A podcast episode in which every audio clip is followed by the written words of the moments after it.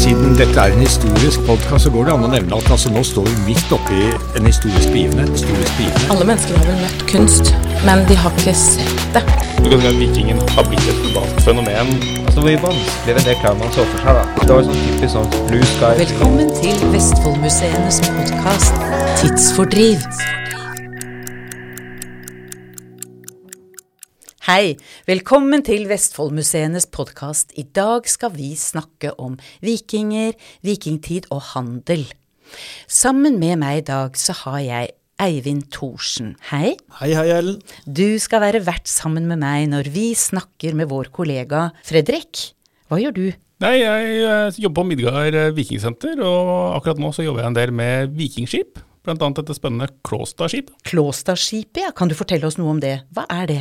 Klåstadskipet det er et uh, handelsskip som forliste i uh, Klåstadkilen, helt innerst i Viksfjord mellom uh, Sandefjord og Larvik. Så det er et Vestfoldskip, altså? Det kan faktisk kanskje være bygd i Vestfold, vi vet ikke helt. Og det sank på ja, rundt årtusen en gang. Årtusen. Da er vi midt i vikingtida, da, eller? Vi nærmer oss slutten. Ok. Da er det sånn nesten overgangen til middelalderen. eh. Men du må fortelle oss litt mer om vikingtida, for dette går da under betegnelsen et vikingskip. Det er et vikingskip. Ja. Så vikingtiden varer fra ja, kanskje en gang på midten av 700-tallet og fram til midten av 1000-tallet. Og da har vi andre hørt da at vi var veldig gode til å bygge skip. For Ja, det- dette er jo ikke det eneste skipet. Nei da, vi har funnet en god del eh, skip. Jeg tror i Skandinavia totalt sett fra, fra vikingtid så er det rundt 50 funn. da, Altså både skipsbegravelser og skipsvrak og liksom skipsdeler og sånt noe. Så her er det mye som er funnet. Fredrik, er det her helt opp til våre dager, eller her er det sånn som ligger eh, tilbake i tid? Eller graver man fortsatt opp vikingskip? Ja, Det er jo kanskje noen som har fått med seg denne Gjellestad-utgravinga i Østfold. Og Det er jo et vikingskip som ble funnet for noen få år siden med georadar. På Borre, hvor jeg jobber, så fant vi også et skip for noen få år siden eh, som ikke er undersøkt. Og så er det jo dette Edøy-skipet som eh, heller ikke har blitt undersøkt grundig. Men hvordan er man Det har jeg tenkt på litt, da. Når man finner et vikingskip, er det noe man snubler tilfeldig over? Eller har man noen tegn at man har funnet noe annet der og, og, og forventer å finne noe der? Eller er det, er det flaks? En viss grad av, eh, av flaks, kanskje. Men uh, dette varierer jo litt. Grann. Eh, en stor skipsgrav uh, som ligger inni en haug, der kan man jo kanskje ha en viss idé om at det kan hvert fall være noe å finne inni, inni haugen. Nå er det sånn at De aller fleste gravhauger inneholder ikke skip. Så det er ganske få skipsbegravelser, faktisk. Uh, og så har vi jo sånn som Gjellestadskipet og dette på Borre. De ligger jo ikke uh, i en haug i dag, for haugen er borte. Så det har man funnet med georadar. Og da er det jo kanskje litt tilfeldig at man eh, finner det. Samtidig så har man kanskje indikasjoner på at det er noen spor i områder det har vært aktivitet. Og så har man jo eh, skipsvrak som er kanskje litt mer tilfeldig. Men du, jeg lurer på når du sier skipsvrak, det er vel ikke sånn at det bare var én type skip? Altså vi sier vikingskip som en sånn samlebetegnelse, men kan ikke du fortelle litt om det? Ja, det er en, ja, egentlig en rekke ulike typer eh, skip fra vikingtid. og litt sånn avhengig av hvordan man skal tolke det, for sagaene forteller om ulike skipstyper. Men veldig enkelt så kan vi si at i tidlig vikingtid, altså la oss si fra sånn midten av 700-tallet og framover, så er det cirka, altså De fleste skipene er ganske like eh, i forhold til eh, på forholdet mellom lengde og bredde på dem. Og så har de nok kanskje ulike navn, eh, avhengig av størrelse og, og bruk. Men kan du si noe om lengde og bredde, eller? Jeg mener det er ikke så lett å, å vite. Det er, det er vanskelig å si, men du kan si, hvis du drar til det mer ekstreme, da. Eh, dette Roskilde 6, som uh, året det vi snakket om i stad, er et helt tilfeldig funn. De skulle bygge Vikingskipsmuseet i Roskilde, og mens de jobba med havneanlegget da, så plutselig så fant de det lengste vikingskipet vi kjenner til. 36 meter langt langskip fra rundt eh, 1030. Og det er bare noen få meter bredt. Ja. Så det er, eh, det er veldig, veldig langt og veldig smalt. Så veldig annerledes enn de norske skipene, da, eller? Det er ganske annerledes enn de norske skipene. Det er et spesialisert krigsskip sannsynligvis, eller et høystatus transportskip for mennesker, eller for personell, fra helt på slutten av vikingtiden. Den andre utiheten er jo da handelsskip, som er eh, mye, mye breiere og kan bære mye mer last. Men i tidlig vikingtid så var de aller fleste skip de var liksom midt imellom. De kunne funke til både personelltransport og varetransport. De skulle bygge et vikingmuseum i Roskilde, sa du. Og Ja. så fant de tilfeldigvis det lengste vikingskipet der de skulle bygge vikingmuseum. Ja, sammen med en Det er jo rekke ganske spesielt, da. Ja, sammen med en rekke andre båter. Og dette var jo fordi man skulle stille ut eh, de såkalte skulderlevskipene som ble funnet i Roskildefjorden da noen få år tidligere. Mm. Jeg hørte du sa, du sa litt om handel og, og krigsskip og sånn. da. Vikingene er jo ja, veldig populære i, i TV-serier og filmer og sånn. Vikings har jeg sett alle sesongene på. Blir helt hekta. Eh, og det er jo sånn folk kanskje forbinder med vikinger, da. Men vikinger som krigere, er det, hvorfor tror du at det er det som alltid blir fokusert på, at det er krig og tokt? Og Du snakker om handel og andre ting også, men hvorfor er det alltid krigen som eh, fascinerer og får oppmerksomheten? Det er jo et veldig godt spørsmål. For det første tror jeg de er flertallet av filmer og serier nesten handler jo om et eller annet som handler om krig eller eh, konflikt. Eh, Det er et veldig populært tema i populærkulturen. Så er det mye lettere da, å lage en spennende historie hvis man har eh, vold, plyndring altså Det er mange elementer som kan drive en historie.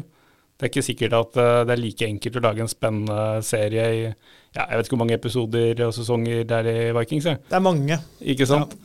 Men da får jo folk litt sånn feil inntrykk da, av eh, at det hva folk assosierer med vikinger. Så tenker man jo blodtørstige barbarer som uh, tok med seg skatter og treller hjem. Og, men det var kanskje det, ikke bare sånt, da.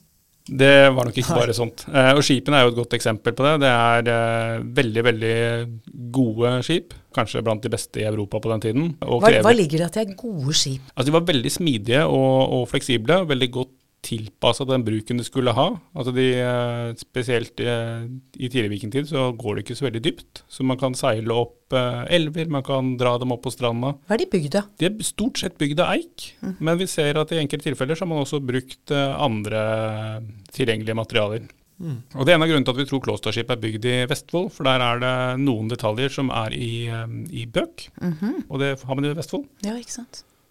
Men du, dette Klåstadskipet som vi da snakket om innledningsvis her, det har vært et handelsskip det da? Ja, det er det tolket som det vi kaller en knarr, som altså er et handelsskip. Ok. Og, og hvor stort var det da, i forhold til dette danske skipet du nevnte?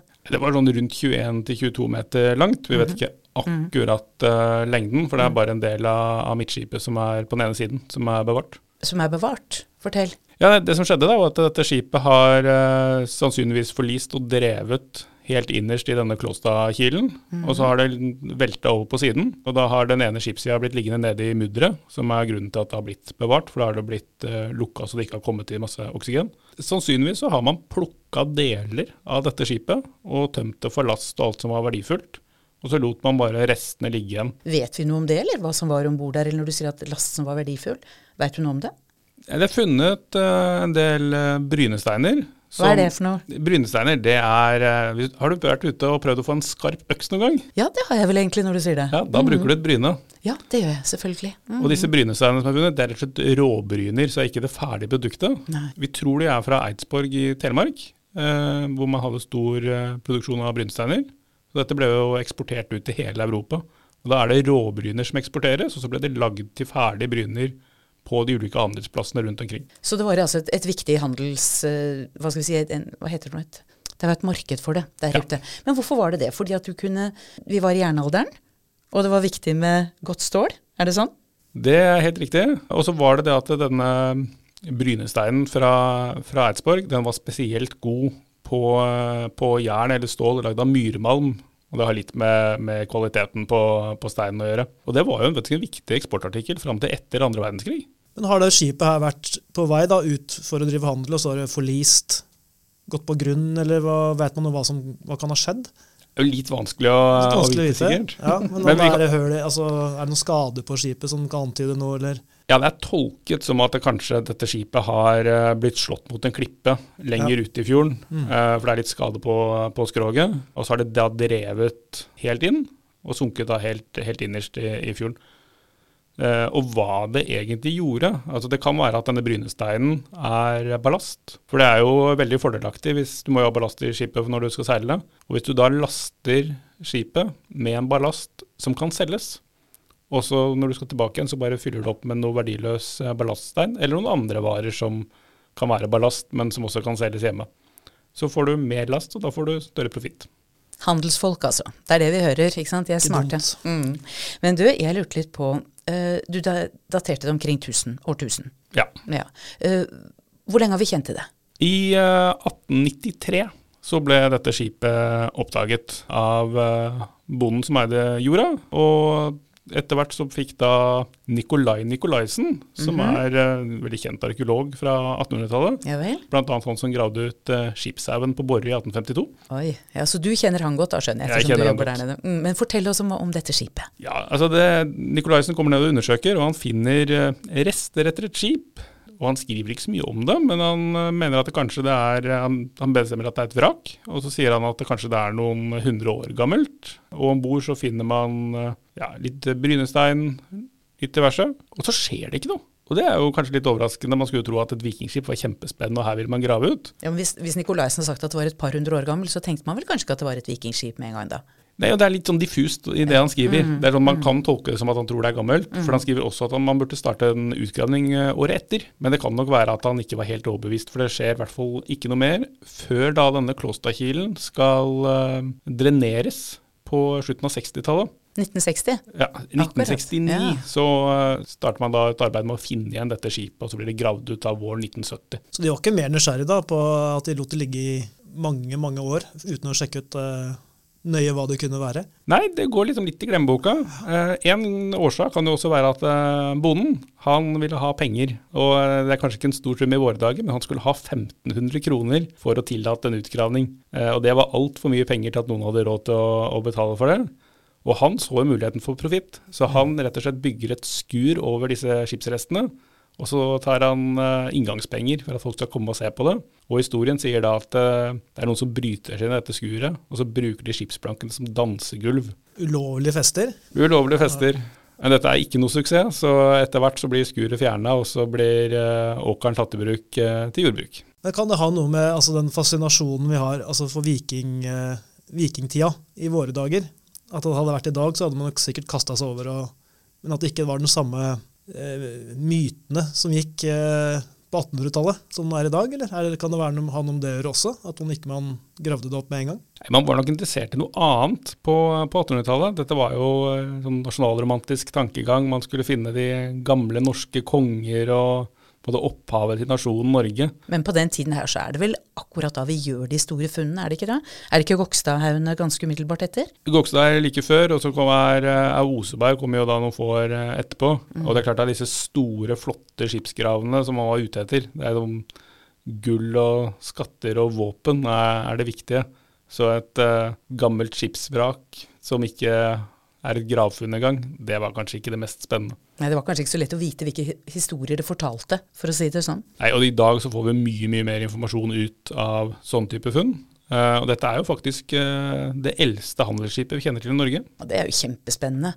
Men, men hva tenker du når du skal snakke om dette skipet da, til folk som kommer på besøk? Hva er det som er den viktige fortellingen om Klåstadskipet? Nei, altså utover uh, denne veldig spennende historien, da, hvordan det ble funnet og gikk litt i glemmeboka og ble gjenoppdaget igjen, så er det jo betydningen av handel Ja, i, eh, i vikingtid. For det er jo en av de tingene som virkelig endrer seg i løpet av vikingtiden. At man går fra gaver, som, og veldig verdifulle ting som gis som gaver, og fraktes mellom eh, eliten. Ja, sånn gavebytte, rett og slett? Gavebytter. Eh, og så går man over til at man får mer og mer handelssteder, og med storskala handel, og med altså, volumprodukter til lav pris. Og det er, eh, er jo kjempeviktig med tanke på hva som skjer utover i middelalderen, med Ja, men- men stadig vi- økende handel. Ja, men når du er i, i vikingtida, er det det eh, som, som Eivind var inne på tidligere, dette her med krig og, og kamper og sånn, så det er rett og slett en kamp om varer, om handel, om områder? Er det det som er det å være på tokt? Det er nok en kombinasjon. Ja. Eh, hvis man tenker på den kanskje viktigste handelsvaren, da, det er jo, er jo mennesker. Ja. Det å kan ta slaver og, og selge. Og da kan man, Vi har jo f.eks. beretninger da, om at man drar til Irland, og så har man eh, tatt eh, folk til fange. Og så står man på, eh, holder man seg til på stranda, en liten leir. Og så får lokalbefolkningen da mulighet til å frikjøpe sine familiemedlemmer. For det er jo enkel profitt. Da slipper du risikoen ved å ta med deg disse slavene et annet sted i håp om å få solgt dem på slavemarkedet. De som ikke blir da frikjøpt, de blir tatt med videre og solgt som slaver. Og så kan det jo være at man var litt selektive. da. De man tenkte ville gi en veldig god pris på slavemarkedet, de var det ikke mulighet til å få frikjøpt, f.eks. Men du må fortelle da noe om hvordan har de klart å ta slavene i utgangspunktet? Var det da noe spesielt med disse skipene? En overraskelse, eller Altså dette er strategi? Ja, så Fordelen med vikingskipene, fordi du kan dra dem opp på stranda, mm. er jo at du kommer veldig overraskende og kan angripe et eller annet sted som er dårlig forsvart. Og så kan du trekke deg vekk. Like fort og usett. Like fort, eller eh, akkurat når det passer. sånn at du kan godt være på stranda et par dager, men det er ikke sikkert at noen rekker å samle en styrke for å bekjempe deg innen den tiden. Og hvis du da har litt speider ute, så kan du fort stikke av hvis man ser at en fiende kommer. Jeg leste en sånn artikkel jeg, om, eh, på Island. At der er det, nå er det DNA og slektsgransking og sånn er veldig inne. da. Så da mener jeg det var at 75% av den islandske befolkningen at det er eh, med norsk eh, At det stammer fra Norge, da. Mens 25 var keltisk. Var slaver som er tatt med og, og opp dit. da. Er det noe sånn, eh, Har du peiling på om, det er noe sånt her i Norge? Vet vi noe om det? At eh, Hvis man sporer tilbake sånn Man har kanskje ikke jobba noe med det her i Norge? Man har noe. Island har jo en fordel at de har et veldig godt uh, genetisk uh, datagrunnlag. Det man ser er at en, en stor del av den mannlige befolkningen kommer fra, fra Norge, eller i hvert fall Vest-Skandinavia. Mm. Uh, og så er det en stor del av den kvinnelige befolkningen som da har, en, har et keltisk opphav. Det betyr ikke nødvendigvis at uh, de var slaver. Det er jo en del beskrivelser også av uh, folk som kommer fra Norge til, til Irland og gifter seg da med lokale damer der. Og så drar man til, til Island, så er det nok en kombinasjon av uh, ekteskap og, og eh, slaver. Men det viser jo i hvert fall da at skipene sant, har gjort det mulig å reise. Og så har du fått denne blandingen. Hvor du får et annet genetisk materiale. Det er jo kjempespennende. Men du, vi har tidligere i denne podkasten snakket med en arkeolog som het Knut Ivar Austvold. Og han snakker mye om arkeologi, selvfølgelig, og en helt spesiell form for arkeologi som heter eksperimentell arkeologi. Hva er det for noe? Nei, Eksperimentell arkeologi det er en, eh, ja, egentlig en vitenskapelig metode hvor du eh, tester ut en teori eh, gjennom å faktisk gjøre et eksperiment. Så f.eks. Hvis du lurer på hvordan en ja, får ta skip, da, siden vi snakker om det. Hvis du lurer på hvordan et vikingskip fungerer, så er det å begrense hvor godt du kan modellere det på en datamaskin f.eks. Så det ultimate er jo selvfølgelig da å bygge et vikingskip med riktige metoder på den best mulige kunnskap, og så seile det. Og da kan du jo også lære mye mer om sant, hvordan seiler du faktisk skipet, hvordan har det funka. Og det har man jo nå litt tradisjon for å gjøre i, i Vestfold. Ja, absolutt. Vi har jo flere, flere skipsrekonstruksjoner. Mm. Det man bl.a. kan se, da, en del ting som ikke du finner i gravfunnene, det er f.eks. hvordan var eh, riggen, altså seil og mast og sånt noe. Og hvis du da seiler et skip eh, over noen år, så kan du se på sporene der hvor tauverket er festa, og se hvordan er det opp mot originalen. For det kan gi en indikasjon på er måten man har rigga skipet på, riktig. Det er jo kjempespennende. Men har du drevet noe med dette her, med eksperimentell arkeologi? Jeg driver veldig lite med det, men eh, jeg er, jeg har vært prosjektleder for det som kalles Norsk forum for eksperimentell arkeologi, som vi har gjennomført på Midgard én gang, og skal ha en runde til nå til høsten. Men, men da er det ikke skip det gjelder? Eh, Det kan jo være det blir litt snakk om skip også, men da er det alt fra steinalder til moderne tid. Nå må du hjelpe meg. Altså arkeologi i moderne tid. Dette hører ikke helt eh, riktig ut for meg. Nei, Men man kan drive med eksperimentell arkeologi på- innenfor veldig mye. Altså, det handler egentlig bare om at man kommer med en hypotese, og så tester man den ut sånn rent praktisk. Men la oss holde oss i vikingtida, da, for det var egentlig det vi skulle i dag. Og jeg lurer jo litt på, jeg, altså øh, Har du hørt om eksperimentell arkeologi før? Nei, det har jeg ikke. Nei? Så det er vel kanskje ganske få som driver med dette her. Ja, dette er et ganske lite fagfelt. Ja, eh, jeg kan ikke skryte meg på så mye der heller. Jeg er jo historiker og ikke Ja, arkeolog, så det er litt utafor mitt fagfelt også, egentlig. Men vi Men- ser jo på deg at du er interessert i vikinger. Du er jo, Nå kan jo ikke det lytterne se Fredrik, men Fredrik ser jo ut som en viking. Med langt skjegg og langt hår. og Jeg har vel også sett deg ute på Midgard med et sverd en gang, husker jeg. Ja, Og det noen klær. Veldig fine klær. Nydelige klær. Ja, og det er jo litt av dette med å, å prøve å levendegjøre fortiden, sånn at den er mer eh, forståelig for eh, ja, dagligdagse mennesker som, eh, som lever sine moderne liv og ikke har en stor forståelse nødvendigvis, eller stor kunnskap om, eh, om alle mulige detaljer med fortiden. Men det blir vel en form for eksperimentell arkeologi det også, da? Hvis du lever ut tida. Nei, det gjør egentlig ikke det. For det, det er jo ikke et vitenskapelig eksperiment. Okay. Men- Men du kan jo selvfølgelig gjøre ting som kan gå være mer vitenskapelig. Altså hvis du vil teste ut eh, eh, hvor slitesterke klærne er, så kan du selvfølgelig reprodusere klærne så tett opp til kildene som mulig med riktig dype ull og riktig vevd og sånt noe, og se rett og slett hvor lang tid tar det før du har skittet med stykker. Det kunne jo vært et eksperiment. For det er jo et veldig aktivt liv. altså Det er, det er noen vikingmiljøer hvor de driver med akkurat det. De lærer seg å sy søm i lær på spesielle måter. og Dette må jo være en del kultur som har reist over landegrenser ved hjelp av skipene. At du har lært av kanskje en fransk metode eller en irsk metode, eller kan du se forskjell på det? Eh, Akkurat når det gjelder tekstil, så tror jeg ikke det, vi har nok eh, funn, faktisk. Vi har veldig lite tekstilfunn fra Europa i, i vikingtiden. Eh, det handler jo selvfølgelig om at eh, de var eh, kristne, så de har jo da en annen type gravskikk som gjør at vi har mindre gjenstander bevart. Vi har mye mer eh, ikonografi, altså eksempel bilder, ja. bilder, i salmebøker og veggmalerier og sånne type ting, som viser noe om klesdrakt. Men vi har ikke selve klærne i så særlig stor grad. Nei, men vi har våpen, da. Våpen har vi en god del funn av. Ja, For det er jo stål eller jern. Kan ikke du fortelle litt om det?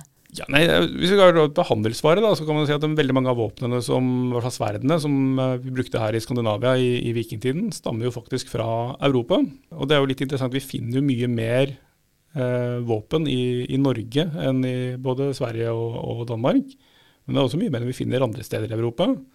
Men det er jo en del også i, i øst. altså Vikingene reiste jo østover. Så vi, en måte vi kan se at det har vært skandinavisk eh, påvirkning, er jo nettopp eh, gravfunn med skandinavisk type eh, sverd og økser. Eh, F.eks. i Baltikum, eh, Ukraina, eh, deler av dagens Russland. Du, Når du nevner eh, Skandinavia de andre landene, så lurer jeg litt på er det en felles vikingkultur, eller er det noe som skiller norske vikinger fra svenske og danske vikinger? Og Hva er eventuelt det? Og hva er forskjellen på det, hvis det var noe?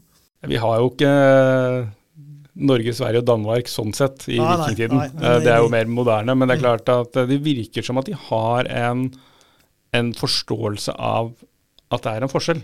Eh, man har f.eks. sagabeskrivelser som, uh, som forteller om at der uh, samler hæren fra det området seg og det området seg, men de er nordmenn, så de slåss hardest. Og så er det sånn svenskene for seg selv og danskene for seg selv. Danmark ble jo ganske tidlig samlet under én kongemakt. Sverige er jo, er jo seinere enn Norge. Men det var den lokale tilhørigheten som var viktig- viktigst. Og det var kanskje ja, Hvis du var fra Viken, så var du en vikværing. Hvis du er fra, fra Hordaland, så er du en horde. Er du fra Ryfylke, så er du en ryge. Og det var det som identifiserte deg, og det var det som var din tilhørighet. Men du, da må jeg spørre deg, Fredrik, når du sier at fra Viken så var du en vikværing, er det der vikingnavnet kommer fra, eller begrepet? Man har spekulert litt i det. Eh, Det er litt omdiskutert om, eh, om det er en betegnelse på en person fra, fra Viken, eller om det rett og slett kanskje handler om en person som ligger i en vik. Det blir brukt som synonym for pirat, også langt opp i, i middelalderen. Vi har beskrivelser av både baltiske vikinger og eh, muslimske vikinger altså i, i Middelhavet. Så eh, jeg tenker at beskrivelsen at det er noen som ligger i en vik og lurer for å angripe handelsskip, kanskje er eh, i hvert fall troverdig. Og Vi ser jo også at de første angrepene på England sannsynligvis kommer fra Vestlandet. Eh, så det vil jo ikke nødvendigvis gi mening at det er et eh, Nei, ord sant. som er knytta til Viken. Nei, Jeg har jo inntrykk av at veldig mange av de vikingfunnene av vikingskip er i Vestfold. Men har man funnet mye ellers i landet også? Vi har, eh, Det er litt sånn kanskje litt tilfeldig at noen av de mest kjente funnene er i Vestfold, for det handler om hva som er best bevart, Ja. eh, og når funnene blir gjort. Vi har jo fine funn fra, eller store funn fra Vestlandet også, bl.a. Karmøy. Vi har dette Storhaug- og, og Grønhaug-skipene. Eh, men de var jo veldig fragmentariske, og eh, lite var bevart. Og dermed så har det gått litt i glemmeboka. Eh, og det har nok vært Altså man finner skip litt, litt rundt omkring. Men det er rett og slett jordsmonnet rundt oss her i Vestfold som gjør at, er, at vi har vært heldige da, og funnet det.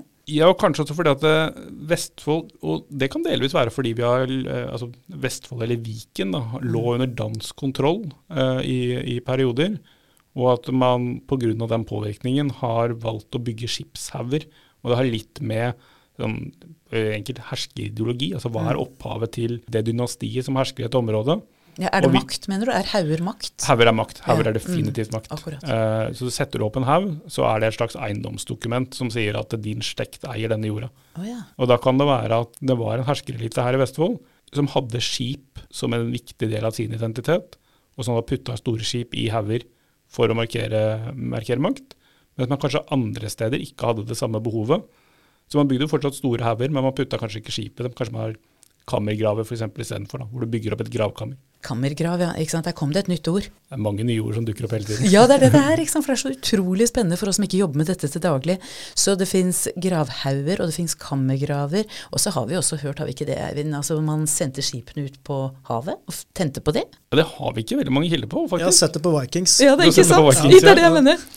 Eh, Balders gravferd er jo en beskrivelse av det, mytologisk. Eh, og så har vi denne historien til Ibn Fadlan, Mhm. som eh, arabisk eh, handelsmann og diplomat som møter en gjeng vikinger, eller det som er ah, tolket som vikinger i hvert fall, på begynnelsen av 900-tallet ved Volga. Og han beskriver hvordan det er en høvding som er død, han blir begravd i et skip, og det blir da satt fyr på. Det blir ikke dytta ut på elva, så det blir lagd en haug, en klassisk branngrav. Og det finner vi jo en del funn av. Men uh, akkurat det å dytte skip ut på havet, det, det har vi dårlig belegg for. Og det kan vi jo forstå at vi har dårlig belegg for, for det vil jo være vanskelig å finne. Veldig veldig vanskelig å finne et skip som har brent opp på havet Så For det blir 1000 år siden. for 1000 år siden, som kanskje fortsatt ligger under vann. ja, eller er helt borte for oss, rett og slett. Tror du at eh, når vi kommer tilbake til dette Klåstadskipet, uh, har det ligget under vann? Eh, Når det forliste, så, så lå det nok eh, helt innerst i, på stranda. Og så har det langsomt blitt dekka. Eh, altså Funnstedet ligger ca. 900 meter inn på land i dag. Og det er jo rett og slett fordi at både landheving La, hva, hva mener du med landheving? altså, Under istiden så var det jo masse, masse is, og det pressa jo selvfølgelig bakken ned. Så fortsatt i, i Vestfold i dag så er det sånn at vi har landheving, så bakken går oppover med noen få millimeter i året. Og over tid så utgjør det ganske mye. Så det er klart at innerst i en vik så vil du også ha en effekt av at ting eh, blir mudra igjen. Men, men snakker vi om meter forskjell her, eller? I høydevann og lavvann, for å si det sånn? Eh, forskjellen mellom vikingtids Ja. eh, vannstand og i dag er eh, ja, omtrent 3,5 meter. Det er såpass, ja. Men er det noe det Klåstadskipet der hvor det ble funnet, er det noe, noe å se der? Er det noe informasjon om det, eller er det, er det ikke noe synlig tegn? I dag er det snuplass for, eh, for buss, Se det. så det er ikke veldig mye spennende å, å se der. Men uh, man kan jo komme til Tønsberg da, og se, se skipet på Slottsfjellmuseet. Så det ligger på Slottsfjellmuseet, altså du kan se det i dag. Du kan se det i dag, det er utstilt. Spennende. Men du, er det da altså sånn at vi har da Gokstadskipet, og så har vi Osebergskipet, og så har vi Klåstadskipet. Og så har vi Tuneskipet. Og Tuneskipene, men ja, ikke sant, selvfølgelig. Men de, er, ikke- de kan vi ikke se nå. Nei, eh, Vikingskipshuset i Oslo er jo stengt for ombygging. Men Tuneskipet, var det et eh, handelsskip, eller var det sånn som Klåstadskipet vårt? Nei, det var eh, Det minner nok mer om Gokstad og, Oseberg som en sånn mer sånn generisk vikingskip, for å kalle det det. For disse er sannsynligvis før dette markerte skillet kommer mellom de ekstremt lange krigsskipene, eller langskipene, da, med sånn som heter Roskilde 6 som vi snakka om, og handelsskipene. Så det man ser skjer kanskje en gang på 900-tallet. Vi har litt få funn, så det er litt vanskelig å si eh, akkurat når dette skillet skjer. Så splittes det liksom opp, sånn at du får veldig spesialisering. Og det henger kanskje litt sammen med økt handel, og økt behov da for, for disse handelsskipene. Så mens disse veldig, altså de tidligere skipene, de kan jo seile, men de kan også ros. På Klåstad så er det veldig vanskelig å ro. Det er nok et lite mannskap, kanskje fire til seks eh, personer. Årene er kun for å manøvrere inne i havneanlegg. Og så er det seil som er det viktige. Og det er jo fornuftig hvis du skal frakte mye last, at du har lite mannskap. Ja, ikke sant. Men du, jeg lurer på, når du sier å ro, så det er altså, ikke sant, enten så ror du skipet, eller så seiler du skipet. Og jeg innbiller meg at jeg har sett at det er forskjell da, på, på disse åregangene på noen av skipene som er funnet. Så det har vært en slags utvikling i hvordan de bygde disse skipene, fra de første til da rundt årtusenet. Ja da, det har vært en, var en ganske stor utvikling. Man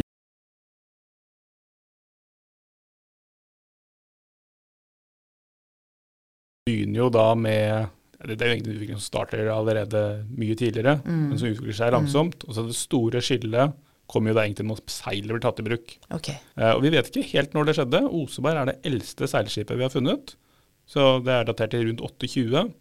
Men vi har eh, runesteiner på, på Gotland og, og noen i, i Sverige som eh, har avbildninger av skip med seil. Så det er nok sannsynlig at man har hatt seilskip kanskje på ja, slutten av 700-tallet, uten at vi vet det helt sikkert. Men roing, det har de gjort lenger. Det har de gjort lenger. Det har de gjort veldig lenge. Og mm. man har kanskje sett uh, helleristninger med bilder Nemlig. av skip som ros. Og det er uh, Så det går langt tilbake. Det er altså så fascinerende hva disse gjorde. For det er jo da, altså, ikke sant? du ror av gårde, og så møter du fremmede kulturer, og tar med deg spennende ting hjem, og du lærer da andre krigsteknikker, du lærer noe om våpen, du har med deg Fortell noe om, om, om livene til vikingene. Hva kan du si om hva vet vi? Hvordan levde de egentlig? Nei, så dette er jo i, Det er litt forskjell, da. Men mm. hvis vi sier i Norge, så er det en, en, en gårdsstruktur. Altså man bor på, hjemme på gården. eh, og man er en del av et eh, hierarkisk system. Hva betyr det? Det betyr rett og slett at eh, du kan ikke gjøre som du vil. Det er noen, alltid noen som er over deg. Eh, så du er en lokal eh, aristokrat som du eh, kanskje har mottatt gaver fra. Og da må du eh, gjøre tjeneste for han hvis eh, han trenger det. Og så han står i tilsvarende forhold til personen over, helt opp til den som har måte, kontrollen da, over regionen. Eh, og så kan det jo selvfølgelig være litt strid om hvem som styrer og sånt noe. Men det betyr at når du skal ut i krig, så kan du be alle som er under deg om å komme og støtte opp. Og de fleste var bønder. Altså, nesten hele befolkningen var bønder. Og alle, de fleste har kanskje hørt om, om Kaupang, det handelsstedet som ikke er veldig langt unna der Klosterskipet ble funnet. det, Klosterskipet seilte nok ikke fra Kaupang, fordi Kaupang hadde gått ut av bruk når Klosterskipet sank. Men der har det nok vært en liten befolkning. altså Vi snakker om noen få hundre mennesker. Så det, er, eh, det vi snakker om som er urbant på den tiden, er en forsvinnende liten andel av befolkningen. Men de som dro i Viking, da, unnskyld. De som dro i Viking, var det, var det stort sett bønder, er det det du sier? Sannsynligvis ja.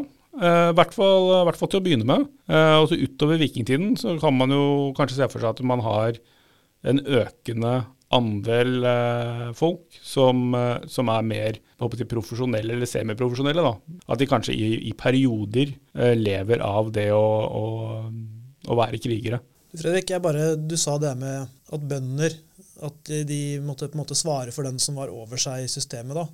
Hvis det var sånn at det, blei ble krig, da, og så blir man kalt på, da, da må man bare legge inn alt. og Det, det, er, holder ikke å si det passer ikke. Du må, da, da er du nødt til å Du har ikke noe valg. Du har ikke noe valg. Nei, da er det bare å stille opp. Og vi vet ikke hvor langt tilbake dette systemet vi kaller Leidangen går. Det kan jo sammenlignes litt med, med Heimevernet i dag. At alle som eh, alle våpenføre menn skal, skal eh, stille opp ved behov. Og det finnes en del eh, regler rundt dette. Eh, Og da er hele landet er delt inn i ulike områder. Vi kaller det skipreier, som rett og slett er det området som skal utstyre et leidangsskip med Så det er et skip med fullt mannskap og våpen og alt de trenger. Jeg ser for meg at da er det veldig lurt å ha med seg en del bryner. Hvis du skal reise av gårde i kamp, da trenger du jammen noe som sørger for at våpnene dine ikke sant, er ship-shape. Det ville jeg definitivt tatt med meg. Ikke sant? Så det der da med vårt Klåstadskip, da, som kanskje kan ha hatt en, en last om bord av brynemner, det har det vært et marked for i hele Europa. Vet vi noe om hvor eventuelt dette Klåstadskipet kan ha vært på vei? Det er vanskelig å si. Vi finner, eh, vi finner brynesteiner veldig mange steder. Og vi ser faktisk at i, eh, i Ribe i, eh, i Danmark, så allerede fra tidlig 700-tall, altså egentlig før det vi begynner å regne som vikingtiden, så finner vi, finner vi brynesteiner fra Norge. Riktignok ikke fra, fra Eidsborg, det er fra Mostadmarka i, i Trøndelag. Men da har det vært, rett og slett vært handel da, fra Trøndelag ned langs kysten, og så helt over til lengst sør i, dag, i dagens Danmark, med brunestein. Det ser vi noe mønster på handel. da. Er, var det noen områder norske vikinger spesielt hadde et nært handelsforhold til? Eller var det, er det mer sånn at det er store deler av Europa? Tradisjonelt sett så har man jo tenkt at norske vikinger, eller fra, folk fra dagens Norge, de dro veldig mye vestover og til øyene i Atlanterhavet, og delvis også nordlige deler av, av England og Irland. Men uh, vi ser jo at dette varierer litt. Grann. Eh, her i Vestfold så vi har jo to handelssteder. Er Kaupang som vi nevnte i stad, og så er det Heimdal som ligger eh, rett ved siden av Gokstadhaugen. Og eh, vi ser at Heimdal de har en mer østlig tilknytning. Ser man på hvilke funn som er gjort der. Mens Kaupang har vært mer ja, mot deler av, av Vest-Europa og de britiske øyer. Så det har nok vært ulike steder og ulike herskere har hatt litt ulike kontaktnettverk Så man har nok handlet der man, der man hadde gode kontakter. Og vi ser det er mye kontakt mellom Norge og f.eks. Øst-Europa. Vi har jo bl.a. Harald Hårråde. Han gifter seg jo med, med Ellie som da er datteren til Jaroslav den vise i, i dette mektige Kiev-riket på, på begynnelsen av 1000-tallet. Var ikke Olav den hellige også? Var ikke han i Russland? eh? Han er også hos Jaroslav den vise. Ja. Han må stikke av i, eh, i 1028, og så er han da sannsynligvis i Novgorod. eh, og oppholder seg der fram til eh, han kommer tilbake, og da blir nedkjempa ved Stiklestad. Og Harald Hårråde er jo da halvbroren hans. Ja. Og han, dette her begynner å bli litt vanskelig, altså. ikke sant? Hvem som var broren og fetteren til og sånn. Men du, jeg lurer litt på når de da er ute og seiler med disse fine skipene sine. Kunne de navigere, eller dro de rett og slett den veien strøm og vind tok dem? de kunne navigere. Fortell. Nei, Det er mange måter å navigere på. Sannsynligvis så hadde de mye kunnskap. De man har spekulert om de kunne ha en slags sånn, det kalles solstein. eh, som det, er en, eh, det er en type stein som fanger lyset, sånn at du kan vite hvor sola er selv når det er eh, overskyet. Og så har man nok hatt, altså man har hatt beskrivelser av, eh, av hvordan man kunne seile. Så hvis du skal seile til, til Island, så har du visst at jo, du må seile fra dette stedet, så må du holde ut. Og så hvis du etter så og så mange dager, så skal du se dette punktet. Altså at Man har kanskje seilt litt fra Om ikke man har vært innom alle mulige steder, så har man kanskje sett ulike punkter da, på ja, f.eks. Orkundøyene eller, eller andre steder som har landemerker. Så hvis de ville til Ukraina, og de visste at det var realisivt de skulle bort og besøke, så var det ikke så veldig vanskelig.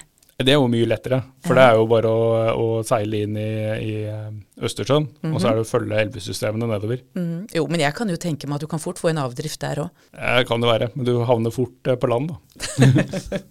Men du, altså dette går tilbake da til vikingtida, og det, jeg blir så imponert. Altså, de kunne navigere, de hadde med seg fantastiske varer ut, fordi altså dette brynesteinsproduktet, da, ikke sant, det var det sikkert etterspørsel etter overalt. Og så har de tatt med seg spennende varer hjem. Men hva er det som er det aller mest, ja, det fineste, det tøffeste med Klåstadskipet, tenker du? Det er jo denne veldig spennende historien da, med hvordan eh, man først finner det, og eh, ja, det blir brukt som dansegulv, og det var liksom ikke så stor interesse. Og så går det litt i glemmeboka, og så blir det da gjenoppdaget. Arkeologene visste at det var der, men det var ikke noe interesse for, interesse for å grave det ut. Og så oppdaga man jo da at det er mye bedre bevart enn det man trodde. Eh, og da blir det tatt opp og stilt ut.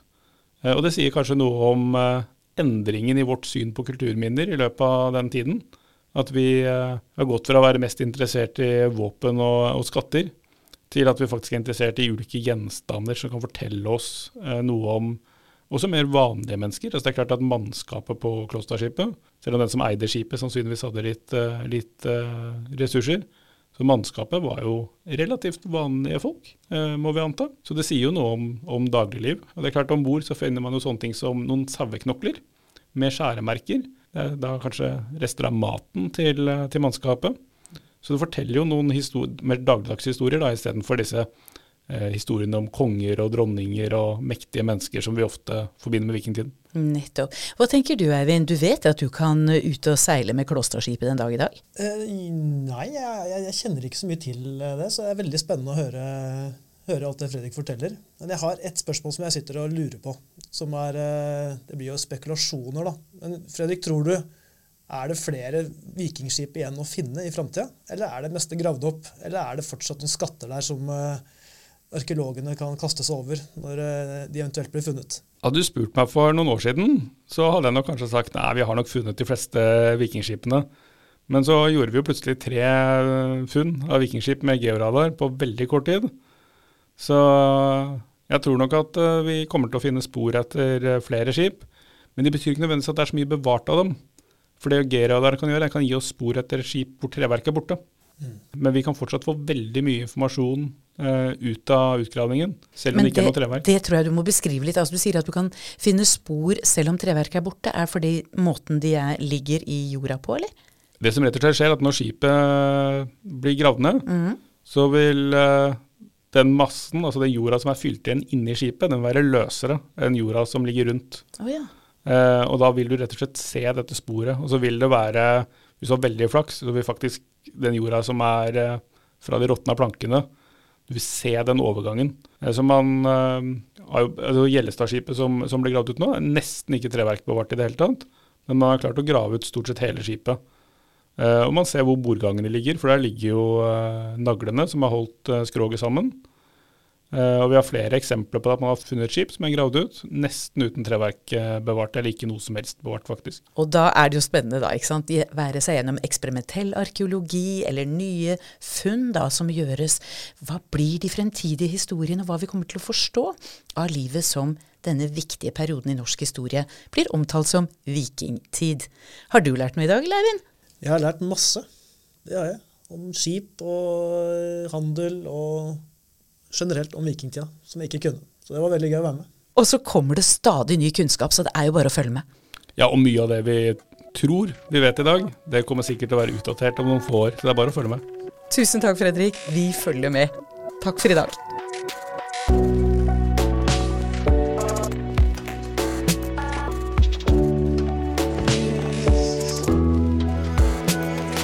Denne episoden er laget av produsent Susann Melleby lydtekniker og klipper Jon Anders Øyrud Bjerva, Eivind Thorsen og meg, Ellen Asplin. Tidsfordriv er en podkast fra Vestfoldmuseene. Ønsker du å kontakte oss?